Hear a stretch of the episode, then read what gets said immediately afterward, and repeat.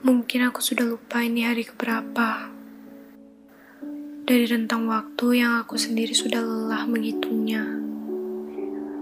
Sejak sebuah tiada menyertai takdir kita berdua, aku tidak lagi berharap apa-apa. Bahagia aku mati rasa, tapi dari taku malah sebaliknya.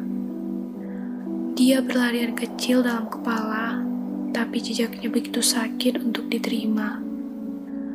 Mengingatnya selalu aku yang pertama, tapi melupakannya aku tak pernah benar-benar bisa. Sebagaimana katamu di persimpangan jalan, simpan sedihmu untuk satu hari nanti.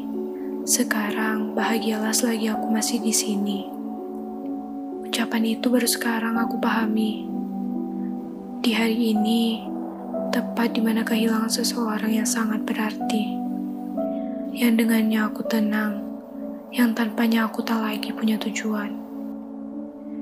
Ingin rasanya menulis peta aksara tentang kita, saling menuntun langkah ke satu titik yang sama, yang di dalamnya hanya ada kau dan aku. Bersama kita hapus kemarin luka, dan bersama pula kita rangkai esok bahagia. Tapi keyakinanku tak sepenuhnya percaya Sebab esok yang kutemui adalah hari yang berbeda.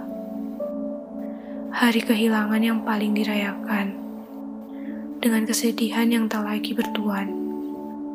Sulit bagiku untuk mengikhlaskan. Sebab ada banyak hal yang tak mampu dilepaskan. Meski aku tahu, terang hatimu sudah berada di pangkuan Tuhan.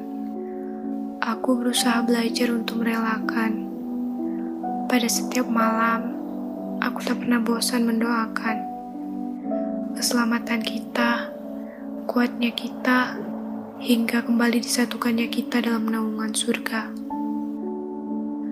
Teruntukmu, simpan sabarmu untuk satu hari nanti. Kelak di sana, aku akan menemanimu sepanjang hari.